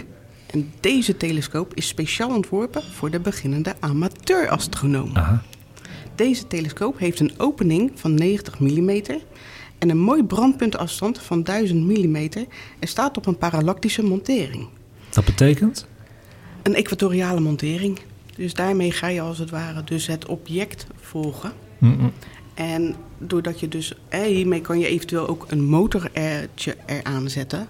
als later erbij aanschaffen. Je moet zelf het object vinden, maar zodra je het object gevonden hebt, dan zet je het motortje aan en dan blijft hij hem volgen. Maar die zit er nog niet aan, hè? Dat zit er nog niet aan. Nee, dit is gewoon de basic goede Ja. telescoop. Klopt, inderdaad. En dan met deze telescoop kan je dan veel details ook gaan zien van maan en planeten. Het is dus een echte aanrader. Ja. En inderdaad, via sterrenstof is er dus 10% korting op deze telescopen. En deze actie is tot het einde van het jaar. En dan Ja. inderdaad contact opnemen met jou. Ja, gewoon via mij. Dus sterrenstofnieuws.gmail.com. En dan stuur ik het door naar jullie. En dan is het allemaal meetbaar. En dan blijft het ook allemaal heel eerlijk op deze manier. Inderdaad. Ik vind het ook een hele goede hardcore aanbieding trouwens. Hartstikke mooi. Iemand nog vragen over dit hoofdonderwerp? Zijn er nou bepaalde gebeurtenissen of objecten die je nog niet gefotografeerd hebt, die je heel graag vast zou willen leggen? Nou, ik, eh, ik zag zelf de foto's van Anko van de, de verduistering. En dat vond ik wel heel inspirerend. Ik vond dat zulke mooie foto's. Ik, eh, ik heb dat nog nooit meegemaakt. Alleen eh, gedeeltelijke verduisteringen. En daar altijd wel eh, vol smart naar zitten kijken. Maar eh, zo'n volledige of een, eh, een ringvormige verduistering... dat wil ik echt nog wel eens een keertje eh, in lijven meemaken. Leuke vraag, Abe. Goede afsluiter. En ik heb beloofd dat er nog meer cadeautips komen. En dat doen we aan het eind van de uitzending. Want ik hou van cliffhangers, dat weten jullie. Er komen nog twee hele leuke cadeautips voor jullie. En dan gaan we nu even pauze houden. Even lekker koffie drinken en taart eten. Welkom bij Sterrenstof, een programma over astronomie en ruimtevaart. Met interviews, het allerlaatste astronomie- en ruimtevaartnieuws en de sterrenhemel van deze maand. Presentatie Anko van Hal. Dan gaan we nu naar de vraag van de luisteraar. Die is ingestuurd door Marlies Rijtsma. En die eh, lees ik even voor. Marlies zegt: Ik heb misschien een lichtelijk lugubere vraag. Als je als astronaut in een ruimtevaartuig verblijft en je overlijdt daar in de ruimte, wat gebeurt er dan met jou als overledene? Word je dan de ruimte ingeloosd? Of word je op een bepaalde manier teruggestuurd naar de aarde? Of in het ruimtevaartuig geconserveerd tot iedereen terug kan? Hebben jullie dat ooit afgevraagd? Ik nog nooit. Nee, nee. Dat Maar het denk is wel een goede ja, vraag. Een zeemansgraf heb je dan als je op een schip zit. Dan Als jij gewoon in denkt, zee, eh, jij denkt die eerste, dan word je de ruimte ingeloosd. Dat, dat, denk jij. Dat zou kunnen, ja. Ja, nee, maar inderdaad, het is een, eh, een hele interessante vraag. Nou, momenteel is het zo, als iemand sterft tijdens een missie in een lage baan om de aarde, zoals aan boord van het internationale ruimtestation, kan de bemanning het lichaam binnen enkele uren in een capsule naar de aarde terugbrengen. Dat is de procedure nu. Als het op de maan zou gebeuren, zou de bemanning binnen een paar dagen met het lichaam naar huis kunnen terugkeren. Maar het wordt natuurlijk helemaal anders als een astronaut sterft tijdens de reis van 225 miljoen kilometer naar Mars. In dat scenario zou de bemanning waarschijnlijk niet kunnen omkeren en teruggaan. In plaats daarvan zou het lichaam waarschijnlijk samen met de bemanning terugkeren naar de aarde aan het einde van de missie. Wat dus een paar jaar later zou kunnen zijn. Wow. Ja, in de tussentijd zou de bemanning het lichaam vermoedelijk in een aparte kamer of in een speciale lijkzak bewaren. De constante temperatuur en vochtigheid in het ruimtevaartuig zouden theoretisch moeten helpen het lichaam te behouden. Dat zijn nogal dingen. Niemand heeft zich dat afgevraagd, zie ik ook aan tafel. Nee, nee maar dan vlieg je dus een paar jaar lang rond met, Met een, overleden collega. Ja. Dus dat hele loze van jou, ja, het is een oneerbiedig woord, maar dat loze in de ruimte, dat is eigenlijk niet aan de orde. Nee. Nee. Nee, dat gebeurt dus Een niet. fascinerende vraag. Dankjewel, Marlies. En hij is beantwoord. Het is trouwens wel belangrijk op te merken dat deze scenario's zelden voorkomen. En dat de specifieke protocollen afhankelijk zijn van verschillende factoren, waaronder de aard van de missie natuurlijk, de beschikbare middelen aan boord en de instructies van de ruimtevaartorganisatie. In de geschiedenis van de ruimtevaart zijn er geen gevallen geweest van overlijden aan boord van een ruimtevaartuig tijdens een missie. Wel mislukte missies, maar niet op deze manier. En dan eh, gaan we naar de knappe vrouw van Anne Minken. Maar even voordat we dat gaan doen, dit papiertje gaat al eh, tevoorschijn komen. Ehm, ik ben naar Amerika geweest en ik had voor iedereen cadeautjes meegenomen. En die hebben jullie al gehad. En ik was in de Lowell Observatory. Daar is Pluto ontdekt. Laat nou zo zijn dat het jouw favoriete planeet ja, is. zeker. Dus ik zoek, zoeken, zoeken naar een leuk Pluto-dingetje. Ik ga het eventjes eh, pakken. Ik ben heel benieuwd. Eh, Iedereen is benieuwd aan tafel. Er bestaan dus, beste mensen, bestaan gewoon knuffels van planeten. Niet te geloven. Pluto en Charon. En ook de echte Oh, details, hè? Ja. Echt het hartje van Pluto er ook op. Waarom Oh, een- wa-. Ja, waarom een knuffel? Omdat je natuurlijk hartstikke lief bent. Maar je hebt mij ook ooit in het begin van Sterrenstof een raket gegeven. Die Ja, ook eh, een- van plusje was. en ja. die komt eh, elke keer weer terug in onze Instagram stories. Bij deze, alsjeblieft. Oh, wat lief. Dank je wel. Graag gedaan. Ik, ik vind dit echt ontzettend leuk. Ja, en dat gezegd hebbende, ik ging dus naar die eh, observatorium toe. En toen kwam ik ook tegen een andere knappe vrouw. En dat was de 11 jaar oude Engelse Venetia Burney. Ja. En zij was de eerste die had gesuggereerd dat Pluto Pluto moest heten. Ja. Dat wist ik helemaal niet. ja, een knappe vrouw in de dop. In de dop, Ja. zeker. Nou, ik ben benieuwd naar je verhaal. Ik ga los. Oh ja, we hebben gewoon een eigen tune voor jou. Ja, zeker. Eh, nou, deze zomer was ik op vakantie in Frankrijk. En in de buurt van Parijs en Versailles. En toen dachten we, ach, laten we eens naar een kasteel gaan. En dat was kasteel de Breteuil. Geen idee wat dat was. Nou, dat, de familie de Breteuil heeft dat kasteel nog steeds in handen. Het is al eeuwen oud. En eh, de mannen van Breteuil waren altijd heel nauw verbonden aan het Franse Hof. Zo was, eh, was er een eh, Louis-Nicolas Le Tonnier de Breteuil. Ik kan helemaal los met mijn Franse uitspraak. Mooi zeg. En die was eerste secretaris van Lodewijk XIV. En die had een dochter genaamd Gabrielle Émilie Le Tonnelier de Breteuil, marquise de Châtelet. En zij leefde van 1706 tot 1749.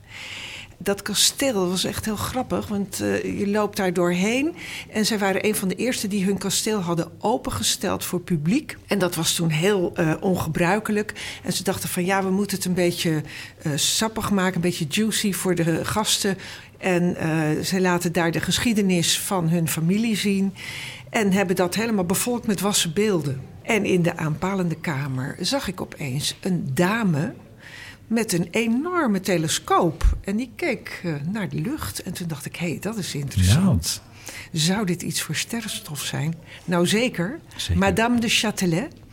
En Madame de Châtelet was dus die dochter van die eerste secretaris van Lodewijk XIV. Was een enorm intelligente vrouw. En haar vader die heeft haar toen besloten om haar niet eh, op haar zevende naar de nonnenschool te sturen om eh, te leren borduren en piano te spelen. Maar haar, net als haar broers, gewoon een wetenschappelijke opleiding te gunnen. Dat was toen heel bijzonder, denk En dat, ik. nou ja, dat was 18e eeuw, begin 18e eeuw. Dus dat was echt eh, heel bijzonder.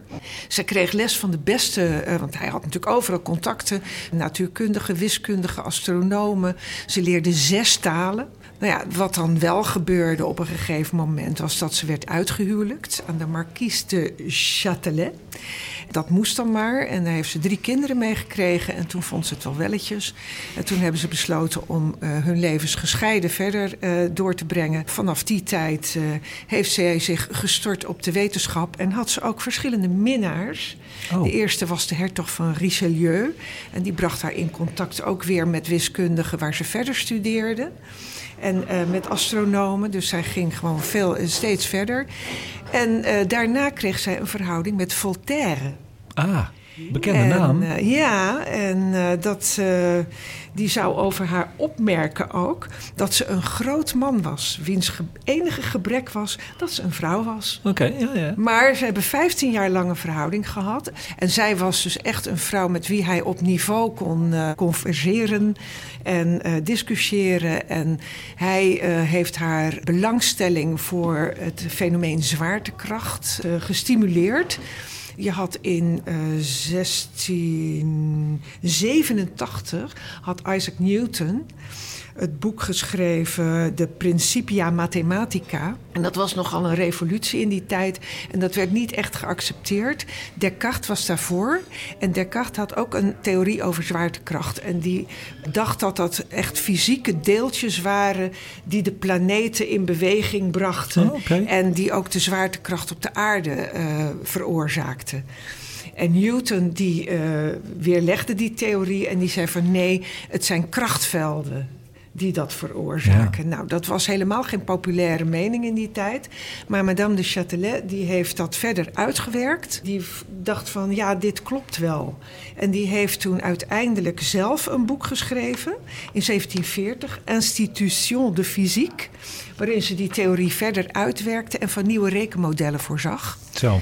Verder heeft ze ook die Principia Mathematica vertaald. En die vertaling van haar is nog steeds leidend in Frankrijk. Dat is nog steeds de standaard. Doe maar. Dus het was echt een, eh, een, een behoorlijk uh, Intelligente vrouw. intelligente tante. Zij heeft toen ook een formule gemaakt. Zij had bijvoorbeeld ook aangetoond dat de energie van een bewegend voorwerp niet evenredig is aan zijn snelheid.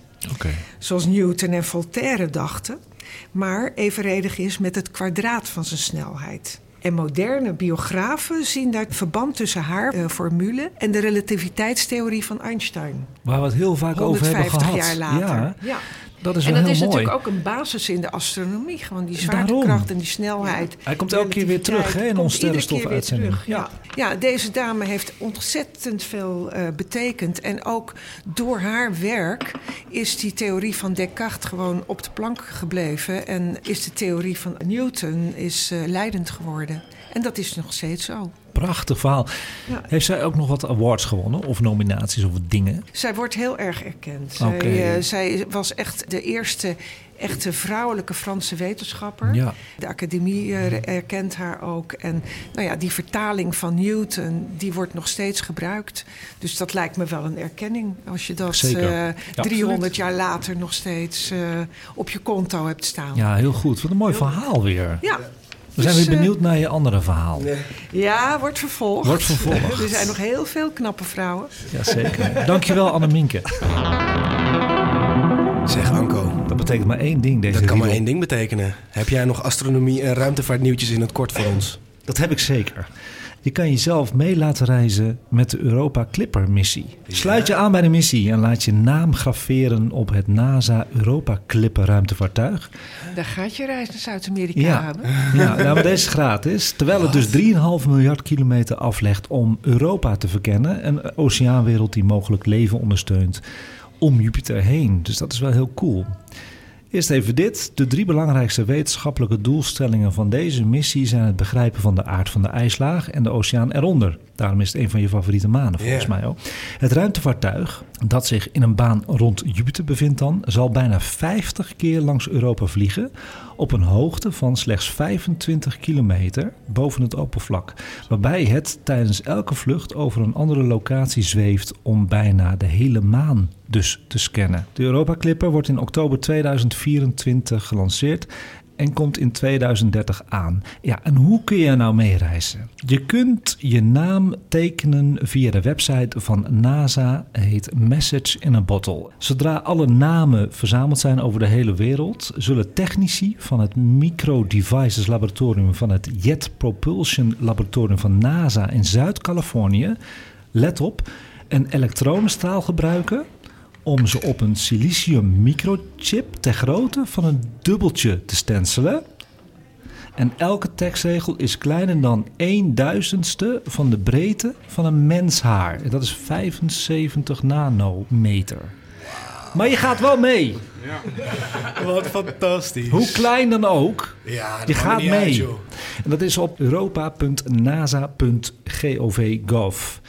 En je kan ook op die website een wereldmap bekijken hoeveel mensen zich al hebben ingeschreven. Dat zijn er best wel veel al. En in Nederland zijn er op dit moment 8000 die meegaan. Waaronder podcastcollega Hens Zimmerman, die kennen we allemaal. En ik natuurlijk, en ik hoop jullie ook. Heeft iemand zich al ingeschreven? Nee. Nog niet, dat Nee, gaan nee, jullie nee. doen hè? Gaan we doen. Ja. En, en, en zoiets eh, nerdigs uitprinten, doen jullie dat ook? Of ben ik dan weer de enige die dat doet? Zo'n Ik heb geen pamflet. printer. Je hebt geen printer. ik ook Ik niet. heb altijd ruzie met Oké, printer. nou goed. Ik hou hiervan. Ik weet niet waarom. Maar ik vind het sowieso leuk dat ik op dat dubbeltje meega. Ja. Ja, leuk. Ja, ja leuk. Ik ben Ja? een keertje meegeweest op een USB-stick eh, met de Artemis-missies. Artemis ook, ja? Ja, kon je ook voor inschrijven. Kreeg je een mooie kreeg je een boarding pass met je naam erop. Dus, eh, Echt waar? ja, Oh, ja. wat geestig. Ik ben niet de enige nerd. Nee, hoor. dus ik vind het ook zeker leuk. Ik vind het leuk dat ze het ook fysiek op zo'n eh silicium chip gaan, eh, gaan maken. Dat is vind mooi, wel gaaf. tastbaar, hè? Ja, Ja, dat is ja. leuk. Link en filmpje over de Europa Clipper missie, wat heel interessant is, denk ik, is ook te vinden op ons YouTube-kanaal bij de door Sterrenstof aanbevolen playlist. De grote rode vlek op Jupiter is alweer kleiner geworden de afgelopen maanden. Dat wist je al, hè, Stefan? Ja, klopt. Hij is nog wel te zien, maar hij wordt ook wel overduidelijk minder zichtbaar. Ja, Ja. jammer hè? Ja, Dan ga ik weer praten over de goede oude tijd toen ik nog uh, jong was. Um, dan praat ik over eind jaren 80. Toen zag ik de grote rode vlek. En toen was hij ook nog een stuk rode ook. Uh, zag ik heel makkelijk door mijn telescoop. Toen had ik nog ineens zo'n hele grote telescoop. En die tekende ik ook echt. Je zag hem ook echt als rondje. Ja. En nu zelfs met mijn grote Celestan Next Star Evolution zie ik de prachtige rode wolkenbanden wel, maar helaas geen rode grote wervelstorm meer. En jij, Ramon, zie jij hem nog? Nee, met mijn telescoop kan je hem sowieso niet zien. Je ziet dan wel de lijnen in Jupiter, zeg maar, maar niet die storm. Met jouw telescoop zou je hem wel moeten zien, maar dat was dan uh, in mijn tijd. In de, ja? Oh, God, die goede oude tijd. kon je dus met jouw telescoop gewoon de rode vlek zien. Dat is zo jammer. Dus we zijn eigenlijk sad ja. dat er een storm overgaat. Ja, dat ga ik even uitleggen. Ja. Goeie van je. Goed aangegeven. De grote rode vlek van Jupiter bereikt mogelijk dit jaar een mijlpaal door te krimpen tot zijn kleinste omvang in de geregistreerde waarnemersgeschiedenis. Waarnemers volgen de grote rode vlek, die ook de Great Red Spot natuurlijk wordt genoemd van Jupiter, al meer dan 150 jaar, jongens. En misschien wel 358 jaar als we rekening houden met Giovanni Cassini's waarnemingen van een opmerkelijke vergelijkbaar kenmerk in 1665 al. De krimpende vlek is duidelijk zichtbaar op foto's van de Hubble-ruimtetelescoop van 1995 tot en met 2014. In 1995 was het ongeveer 20.950 kilometer breed. En in 2009 was dit afgenomen tot 17.900 kilometer. Dus gewoon 3000 kilometer kleiner geworden. Dat is best veel. Het krimpt al tientallen jaren. In 2012 versnelde het tempo van de krimp abrupt. En dit observatieseizoen is het een ongewone kleine omvang. Samen met de lichtroze kleur en de turbulente omgeving is het minder opvallend dan ooit. En dan uh, heeft Annemink heel goed huiswerk gedaan voor deze uitzending. Want je hebt nog een nieuwtje. Ja, ik heb ook nog een nieuwtje. Uh, er is een ruimtesonde uh, onderweg naar de planetoïde Psyche. Die oh. ruimtesonde die heet ook Psyche. En die heeft optische berichten gestuurd naar de aarde. Dus normaal gesproken gaat dat via radiogolven van het ene object naar het andere en dan komt het uiteindelijk op aarde. Maar nu is het uh, via optische techniek gegaan en dat gaat dus via een laserstraal. Oh, en dan wordt er vanuit die ruimtesonde wordt een laserstraal naar aarde gestuurd, precies naar het punt waar het moet zijn. Dus het is ook nog enorme techniek om dat goed te kunnen richten. Maar het voordeel van zo'n laser is dat je gewoon veel meer informatie uh, in één keer kunt versturen. Hij zit nu op uh, 10 miljoen kilometer. Zo. En dat is 40 keer uh, naar de maan ongeveer. In 2026 komt hij langs Mars. Voor jou weer heel interessant, Ja. Anko. En het is de bedoeling dat hij ook vanaf daar met die laser zijn informatie naar aarde gaat sturen. Daar is hij op gemaakt. Dus, uh, nou ja. Uh, wordt vervolgd, hè? Maar ik wist helemaal niet dat zo'n laser zo'n zo, zo grote afstand kan afleggen. Ja, kennelijk wel. Wordt dat En- ding dan en is- die ligt dan niet heel breed op een gegeven moment dan? Ik heb geen idee. Nee, ik denk het niet. Ik denk dat hij gewoon uh, ja, Puntje blijft. een puntje blijft. Maar wel met heel veel informatie. En, en Ja, hij is goed. erop ingesteld dat hij zelfs vanaf Mars informatie zou kunnen sturen. En het is natuurlijk enorm precies werk. Want Nou. hij moet precies op de goede plek op aarde... moet hij dan die informatie eh, Ja. Richten. Wat interessant. Heel spectaculair En voor mij echt een nieuwtje. Ik heb dit niet tegengekomen, dus dank je wel hiervoor. Alsjeblieft. En dan hebben we ook nog ander astronomie en ruimtevaartnieuws gedeeld de afgelopen maand via Sterrenstof Instagram. Want Instagram Sterrenstof gaat altijd door. En dat is nu te vinden onder de oranje novemberknop. En daarin bijvoorbeeld bloedheet zonnestelsel met zeven planeten onthuld door nieuwe Kepler exoplanetenlijst. Of het eh, nieuwtje, de allereerste beelden van de Euclid Space Telescope missie. Met een grote foto in zes delen van het sterrenstelsel NGC 6822. Waar grote roze-paarse bellen in te zien zijn. Die kun je nu bekijken op onze hoofdpagina van Sterrenstofnieuws Instagram. Ziet er fantastisch uit. Ik heb hem gezien. Het is echt spectaculair. Ja, niet te geloven. Wat een details maakt dat ding zeg. En we hadden nog een nieuwtje. Dat is van een vulkanische reuzenkomeet die alweer uitbarst. En die komeet, ja, ik wilde eigenlijk niet zoveel over zeggen, want je moet eigenlijk naar die novemberknop. Maar die komeet die komt eh, langs de aarde in april. En als die dan weer uitbarst, is die gewoon overdag te zien. Want dan wordt die heel helder. En anders, uh, als hij niet uitbarst, dan zou je hem s'nachts gewoon kunnen zien met een telescoop. Maar het is ook zo dat hij heel dicht bij de aarde komt, precies wanneer de zonsverduistering er is, 8 april. En het zou zomaar kunnen zijn dat als de zon verduisterd is en de hemel dus zwart wordt, dat je dus de planeet Jupiter ziet aan de hemel en die komeet tijdens de zonsverduistering. Dus dat wordt een hele spannende tijd. Veel van deze onderwerpen zijn ook te vinden als filmpje op ons snelgroeiende sterrenstof YouTube-kanaal onder de aanbevolen playlist. En over YouTube gesproken, ik kijk Abe aan, die begint alweer te glunderen. Want we zijn naar de rubriek van Abe zijn we aanbeland. Abe, ik ben benieuwd naar je filmtips, jongen. Ja, ik, die van Daniel de Bruin. Wat is met Daniel de Bruin? Daniel de Bruin, shout-out naar jou, stuurde een bericht naar Anko. En Anko stuurde dat bericht door naar mij. Het was een bericht over een YouTube-account. Daar zet ik al een tijdje op de A van... oké, ga ik dit doen? Wanneer ga ik dit doen?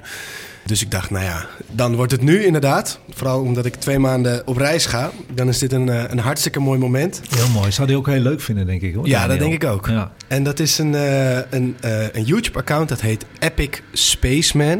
Oh, ja, ja. En sommigen kennen het misschien. Maar dit is een, een man en die maakt filmpjes waarbij hij door middel van CGI zelf een ruimtereis maakt. En daar heel rustig en fijn over praat. Wat gaan we zien?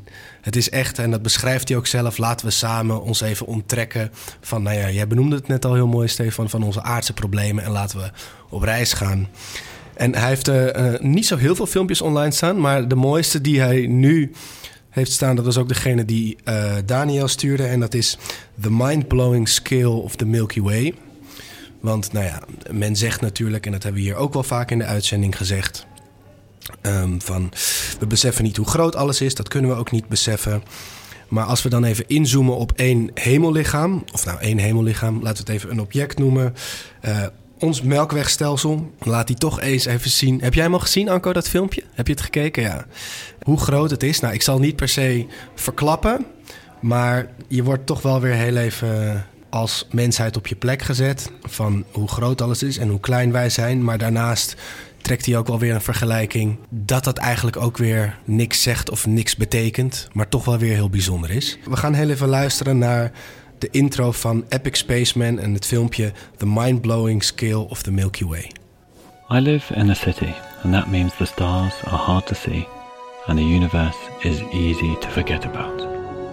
Our busy lives and streetlights hide away so much wonder. Wouldn't it be amazing to just switch off the lights and connect with the world beyond our own.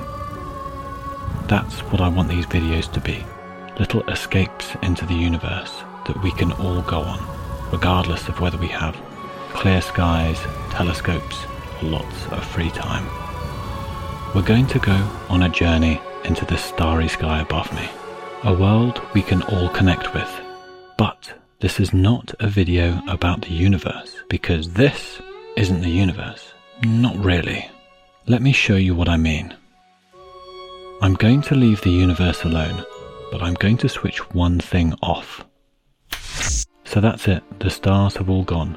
I can only see one star in the night sky now. And really, it just looks like a big faint smudge. It's actually the Andromeda Galaxy, but otherwise, it's just blackness. All of the magic of the night has gone. Imagine a world without stars. The thing I switched off wasn't the universe, it was the Milky Way, the galaxy we live in. Okay, phew. It's always good when they come back. We horen het al, het is, het, is, heerlijk om naar te luisteren. Nou, zonder video erbij, dat, dat doet het nog niet eens uh, recht. Het is echt leuk om die video erbij te kijken. En misschien is het wel leuk voor de, voor de mensen die dit filmpje gaan kijken... om van tevoren te bedenken, oké, als het melkwegstelsel zo groot is als Noord-Amerika... hoe groot is dan de zon? Mhm. En dan kan je het filmpje kijken en kijken of je gelijk hebt. Wat voor gevoel gaf het jou? We hebben het vorige maand ook over Rogue Planets gehad, weet je wel. En dan denk je ook van, oké, als je daarop staat... dat moet natuurlijk wel heel eng en heftig en eenzaam zijn. En zo'n vorm van angst kan het natuurlijk ook wel oproepen als je denkt hoe klein je bent. Maar ik vond dit ook wel heel mooi en geruststellend en fijn om terug te vallen op de gedachte dat eigenlijk alle problemen die we hier hebben dan dus helemaal niet uitmaken. En dat is, ik vond dat jij dat zo net zo mooi verwoordde, Stefan. Dat al je aardse problemen verdwijnen als je kijkt hoe nietig alles is. En dat, dat is het gevoel dat het me geeft. Iedereen knikt aan tafel. Ik denk dat we het allemaal hebben. En Ja. ik denk dat heel veel luisteraars die nu luisteren... ook sterrenstof luisteren voor dat gevoel eigenlijk. Ja, Ja. Zo, ik denk dat zo een hoop mensen op die manier inderdaad naar boven kijken. Ja, heel mooi.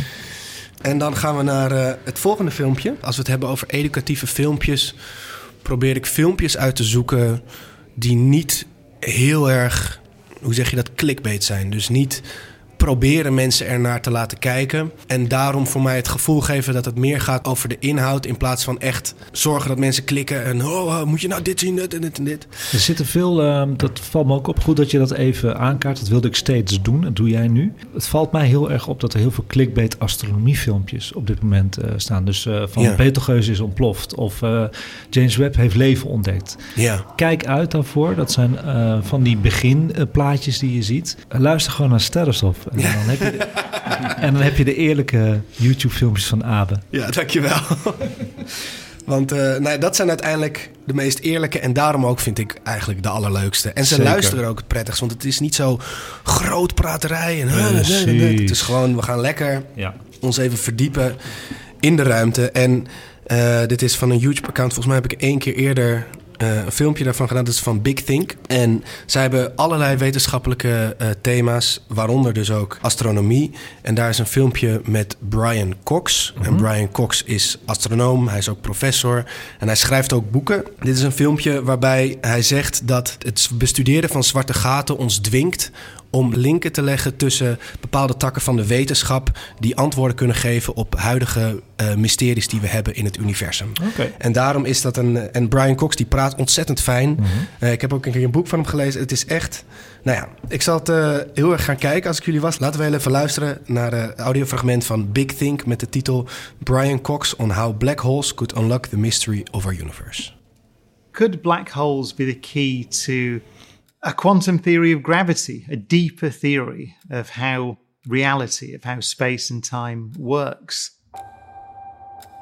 Black holes are interesting because we have a place called the event horizon where we think that we have full control of the physics. We understand what's happening, but there is a fundamental clash between our two basic theories of nature, both quantum theory and general relativity together. And the quest to unify those two great pillars of 20th and 21st century physics into what's often referred to as a quantum theory of gravity is, in some sense, a holy grail for theoretical physicists. So, black holes are forcing us into a deeper understanding of what space and time are. And in that sense, I think it is fair to say that black holes are the keys to understanding the universe. Ja, en het is echt, het is echt leuk als zo'n filmpje als dit, als je dat leuk vindt, om wat meerdere dingen van Brian Cox te kijken. Want hij vertelt heel prettig en ook op een manier die ik, en ik denk dus ook een hoop andere mensen, goed kan begrijpen. Ja, hij heeft mooie leuk. documentaires ook gemaakt op de BBC. Hè? Ja, Brian zeker. Cox. Mooie, mooie filmtips. En We zijn er weer een beetje stil van. Dan zitten we weer in een rustige modus. Lekker is dat toch, hè? Wat ook leuk is, mensen, pak je boekje er maar bij of je agenda of whatever. Misschien je smartphone. Er wordt een smartphone gepakt. Want we gaan naar de sterrenhemel van de maand december 2023.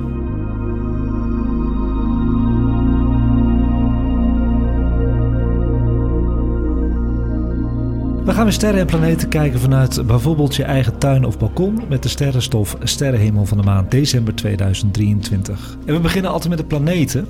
Deze maand gaat het nog goed hoor. Er zijn deze maand vier planeten zichtbaar met het blote oog, waarvan twee met een telescoop. Uranus is te vinden deze maand ongeveer halverwege Jupiter en de Pleiaden. Gebruik een verrekijker of telescoop hiervoor. Wie heeft wel eens naar Uranus gekeken? Met de telescoop? Stefan niet. Nee, nee. Dat, dat moet je maar eens doen. Weet je waarom? Nou, Het leuke is, want je had het er zelf over, ook als je foto's maakt soms van bepaalde objecten, dat de kleur opeens naar voren komt. Uranus heeft het heel erg. Dus als je een foto maakt van Uranus, dan wordt die blauw. ja, Dat ja. is best wel leuk. Verder zie je leuk. niet zoveel hoor, je ziet een bolletje en dat Ja, precies. Ik heb Neptunus een keertje gefotografeerd. Die wordt ook een kleur. Dat, eh, ja, die wordt ook blauw. Ja, Ja, Klopt. En dat, eh, ja, dat blijft ook gewoon een bolletje. Nou, het blijft gewoon een bolletje, maar de- bolletje. Maar, de, kleur is leuk. Klopt. Neptunus kun je ook eh, dus door een telescoop kijken. Het staat gewoon aan de hemel bij alle grote gasplaneten. Via een eh, sterrenkaartje kun je hem opzoeken of sterrenkijk-apps. Mars, mijn favoriete planeet, is nog steeds niet zichtbaar deze maand. Dus die kunnen we skippen. Mercurius, de kleine hete planeet, is met wat moeite rond 5 uur in de eerste week van de maand nog te vinden. Laag in het zuidwesten. 5 uur 's avonds. Probeer te zoeken met een verrekijker of een sterrenkijk-app. In de telescoop zie je Mercurius als een flinterdun sikkeltje. Dat is echt de moeite waard. Dus probeer het toch wel even als het helder is. Daarna is hij de rest van de maand niet meer zichtbaar. Om dan vervolgens op 31 december en de rest van januari als ochtendplaneetje aan de hemel te komen. Nogmaals de moeite waard. Hij is echt heel flinterdun nu. Venus is niet te missen. Hij staat te schijnen als heldere morgenster. Ik denk dat iedereen hem wel ziet af en toe. Ze schittert tot en met februari 2024 in de ochtend voor ons. Geniet ervan, want daarna heb ik opgezocht. Komt de hete gesluide planeet pas weer tevoorschijn in augustus 2024. Maar dan komt hij wel weer tevoorschijn als cadeautje aan de avondhemel. Leuke verschijning. Van 8 tot 10 december staan de maan, Venus en Spica, en dat is de hoofdster van sterrenbeeld Maagd, dicht bij elkaar aan de hemel. Ze vormen in de ochtend van 9 december een smalle driehoek. Leuk om te zien met het bloot oog. De maan is afnemend op 10 december en dan zie je de smalle maancirkel met het asgrauwe gedeelte van de maan. En dat asgrauwe gedeelte is de weerkaatsing van het zonlicht van de aarde dat op de maan schijnt. Dan weten jullie dat weer. Jupiter. Nou jongens, Jupiter staat gewoon goed te schijnen. Hij staat op zijn hoogst en het meest gunstig van dit jaar aan de avondhemel en nachthemel van december. 50 graden hoog maar liefst en is niet te missen. Heb je een telescoop en wil je indruk maken op visite? Laat dan zeker Jupiter zien. Succes gegarandeerd. Jupiter wordt door velen deze maand als de heldere kerstster van 2023 bestempeld. Ja, is toch gezellig. Dat gezegd hebbende, als je vlak voor de kerst op 22 december rond half zeven naar de hemel kijkt, zie je Jupiter heel mooi rechtsonder in samenstand staan met de maan. Nou, dat is toch wel een mooi plaatje. Fotootje erbij, kerstboom ervoor, mooie kerstkaart. Altijd leuk. Saturnus is nog zichtbaar hoor, maar alleen in de avonduren in het zuidwesten. De geringde planeet gaat halverwege deze maand al om 10 uur onder. Op 17 december valt Saturnus extra op. Als je hem niet zo goed kan vinden, dan staat hij rond 8 uur precies boven de maan. En dan iets leuks als tweede evenement. En dat is toch wel een van de grootste meteorenzwermen van dit jaar. En dat zijn de Geminiden. Op donderdag 14 december is het maximum van de meteorenzwerm de Geminiden. Ze lijken dus vanuit het sterrenbeeld tweeling te komen, vandaar de naam. De Geminiden behoren samen met de Perseïden, die dan van augustus, tot de rijkste meteorenzwermen die we kennen. Je kunt op een heldere donkere plek dan wel 50 tot 60 vallende sterren per uur tellen. En de maan stoort niet dit jaar, dus het kan zomaar eens een groot spektakel worden. Kan ik dit in Zuid-Amerika zien, denk je? Ja, dat kan. Dat is fijn voor jou. Ja, 14 december. De meteoren van de Geminiden zijn gemiddeld trager dan de Perseïden, gelig van kleur, vaak helder en hebben korte sporen. Kleuren zeggen trouwens veel over meteoren, hè? dat weten jullie. De kleur van een meteoor hangt af van zijn chemische samenstelling. Dus die gele meteoren van de Geminiden, dat betekent even goed opzoeken ijzer. Zijn ijzermeteoren. Heb je wel eens meteoren gefotografeerd, eh, Stefan? Ik heb het eh, meerdere malen geprobeerd, eh, maar het zat altijd technisch tegen. Dus het is mij nog niet gelukt om eh, mooie meteorenfoto's te maken. Nee. Ja, je hebt te maken natuurlijk met dat, ze, dat je toevallig die camera open hebt moeten staan. Je moet hem lang belichten, dus het moet ook niet overbelicht zijn. dus je moet met je. ISO moet je werken, statief, Ja, ga maar door. ja, ja, ja, alles moet echt op zijn plek vallen Ja. dan. En het, omdat het... ehm, hè, dat, dat deep sky fotografie, dat is eh, natuurlijk ook best wel technisch ingewikkeld. Maar dat kun je vaker oefenen. Er zijn ook meer kansen om dat eh, te oefenen. En zo'n meteorenzwerm eh, komt toch wat minder vaak voorbij dan een heldere avond. Ja, dat is waar. Dus dat, ja, dat, dat maakt het dan, dat als het moment daar is, dat, het, ja, dat technische problemen het gouden das omdoen. eh. Ja. Ja. Nou, het is mij gelukt met de iPhone 13. Gewoon openzetten en dan eh, zoveel mogelijk foto's maken. En dan zitten we altijd eentje op. Als je bij de Perseïde bijvoorbeeld heb ik dat gedaan. En bij de Geminiden ga ik hetzelfde doen, beste mensen. Want ik ga de donkerte opzoeken in de Flevopolder. Ga ik er weer openzetten en dan komt er heus wel weer eentje tevoorschijn. Leuk. Als je dit nou hebt gemist, hè, die Geminide, kan me niet voorstellen. Dan heb je nog een meteorenzwerm. Die is wat kleiner, wat kan. In december, dat is de Ursiden. Heb ik nog nooit genoemd, Ursiden. Wil ik wel even noemen. Dat is op 23 december, vlak voor de kerst. En de Uside betekent eigenlijk dat die vanuit de kleine en grote beer lijkt te komen.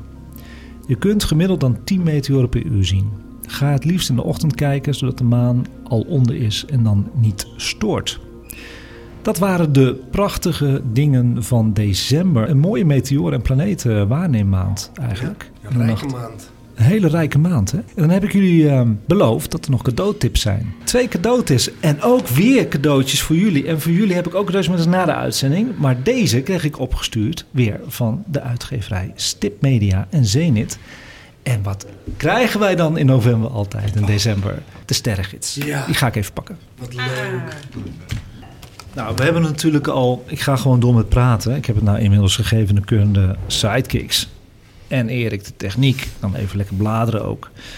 We hebben natuurlijk al eh, vorige maand Govert gehad met zijn eh sterrengids. Dat was voor beginners. Heel leuk. En dit is voor iedereen en voor gevorderden. Dus er staat alles in. En we hebben het gekregen van Zenit Online en van Stip Media. En daar wil ik jullie erg voor bedanken. Een prachtige sterrengids die ook in de winkels ligt. Ook namens ons, want ik ben hier heel blij mee. De sterrenhemel van de maand haal ik uit deze gids. Dit is ook inderdaad een top eh, cadeau voor de feestdagen. Dit is een topcadeau. Sterrengids 2024. Wat staat er nou allemaal in deze sterrengids? Deze Hoofdstuk... hou ik zelf hoor. Ja, oh ja, dat moet je doen.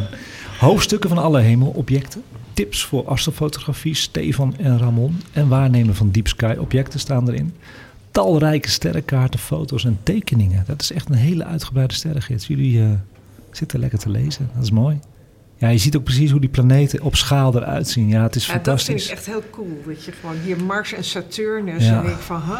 Ja. Wat een verschil in grootte. Ja, dat zie je dus zo door de telescoop. Ja, het is echt mooi. En dan heb ik nog iets leuks voor de luisteraars en dat is echt heel uniek. En dat is een sterrenstof jaarkalender. En deze kalender, dat hebben jullie, hebben jullie al platen van mogen zien. Eh, die komt eraan. Die wordt gedrukt in de komende weken. En het is een, eh, een hele leuke kalender. En wat zit er allemaal in deze kalender? Het is een astronomische kalender met elke maand drie hoogtepunten wat je die maand aan de hemel kunt zien. Dat is al leuk. Het is een mini-sterrengids eigenlijk. En de favoriete hemelobjecten van ons sterrenstofteam, geplaatst in hun eigen verjaardagsmaand, inclusief leuke en bijzondere feitjes, zitten ook in deze kalender.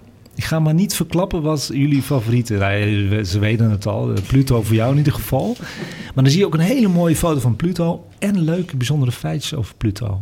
Nou, dat zijn zes mensen in ons team. Dus zes maanden zijn vol met ons sterrenstofteam. Nou, jullie hebben de platen gekeken. Goedgekeurd, prima. Prachtig. Ja, heel leuk. Maar dan hebben we nog zes maanden over. Nou, hoe vul ik die in die kalender? Dat doe ik met de mooiste foto's van de ruimtetelescopen die op dit moment nog in werking zijn. Dat zijn de Hubble, James Webb en Euclid. Die hebben prachtige foto's die ik mag gebruiken van NASA om eh, te laten drukken. En daar zijn de rest van de maanden mee gevuld. Prachtige foto's. Sterrenstofkalender 2024. Het formaat is een dubbele A4 en op te hangen op de wc of zo. Lekker lezen. De fotokalender is in een beperkte oplage, laat ik hem drukken. Ruim voor de kerst. En de prijs van deze limited kalender zal rond de 25 euro bedragen. Exclusief verzendkosten. Dat is een normale prijs voor een fotokalender. Dus als je geïnteresseerd bent, kan je het vanaf nu, voor het eerst pre-orderen op tijd via sterrenstofnieuws.gmail.com. Hij komt ook in de winkel te liggen en dat is bij Ganymedes als verkoop. En in de giftstore van Arlet Pierson. Dat is leuk. Er komt een aankondiging via Instagram, Twitter en YouTube hoe en wanneer de Sterrenstof 2024 kalender verkrijgbaar is. Dat vind ik zo leuk. Die Sterrenstof-kalender is Ja. gezellig, hè? Het is heel veel werk trouwens. Maar goed. Hebben jullie nog wat te vertellen? Want we zijn klaar met Sterrenstof. Eh, ik weet niet of het mijn plek is om dit te vragen. Maar mocht iemand een, een, een, een fantastisch bezienswaardigheid... die met, met, dat met astronomie te maken heeft... van ah, als je hier deze maand even in Bolivia of eh, Brazilië naar kijkt... mag je dat naar Anko sturen. Ja, Ik ben heel benieuwd. leuke tip. Het Zuiderkruis, Die heb je daar. schorpioen. De grote Magellaanse wolken kun je kijken in het zuidelijke halfrond. Het is echt heel grappig, want als je op het zuidelijk halfrond bent... je bent voortdurend je oriëntatie kwijt. Ja, ja, ja. En dat komt gewoon dat alles ja, omgekeerd is en anders. Hè? Want Alles je is hebt echt hele andere sterrenconstructies daar. Nou, goede tips dus voor Abe insturen via sterrenstofnieuws.gmail.com. En Abe, dank je wel ook voor deze uitzending. Veel plezier de komende twee maanden.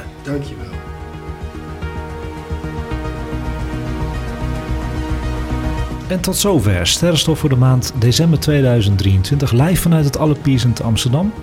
Je kunt mij mailen voor vragen, opmerkingen en tips over astronomie en ruimtevaart op sterrenstofnieuws.gmail.com. Je kunt Sterrenstof natuurlijk ook volgen op Instagram en YouTube op Sterrenstofnieuws. En sinds kort, let op, op Twitter op Sterrenstof X. Met de hele maand door het laatste nieuws en veel updates. Terugluisteren kan altijd via alle bekende podcastplatformen. Deze podcast werd mede mogelijk gemaakt door Ganymedes Optische Instrumenten te Amstelveen, de telescopenwinkel van Nederland. Dankjewel Abe, Anneminke, Arenda, Stefan en Ramon voor de medewerking van deze leerzame en weer mooie aflevering. De techniek was in handen van Erik. Dankjewel Erik. En de heerlijke koffie werd weer verzorgd door het café Albert Pierson. Iedereen bedankt voor het luisteren. Prettige en bedankt voor het anoniem doneren aan onze sterrenstof voor je pot. Mede dankzij jullie voor je kunnen we doorgaan met het produceren van sterrenstof. Wij waarderen een kleine bijdrage enorm.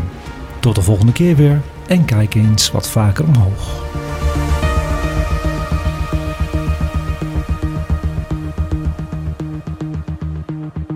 Luister je graag naar deze podcast? Laat de maker weten dat je waardeert wat hij of zij doet en geef een digitale fooi. Dat kan zonder abonnement, snel en simpel via fooiepot.com. Fooiepot met een d.com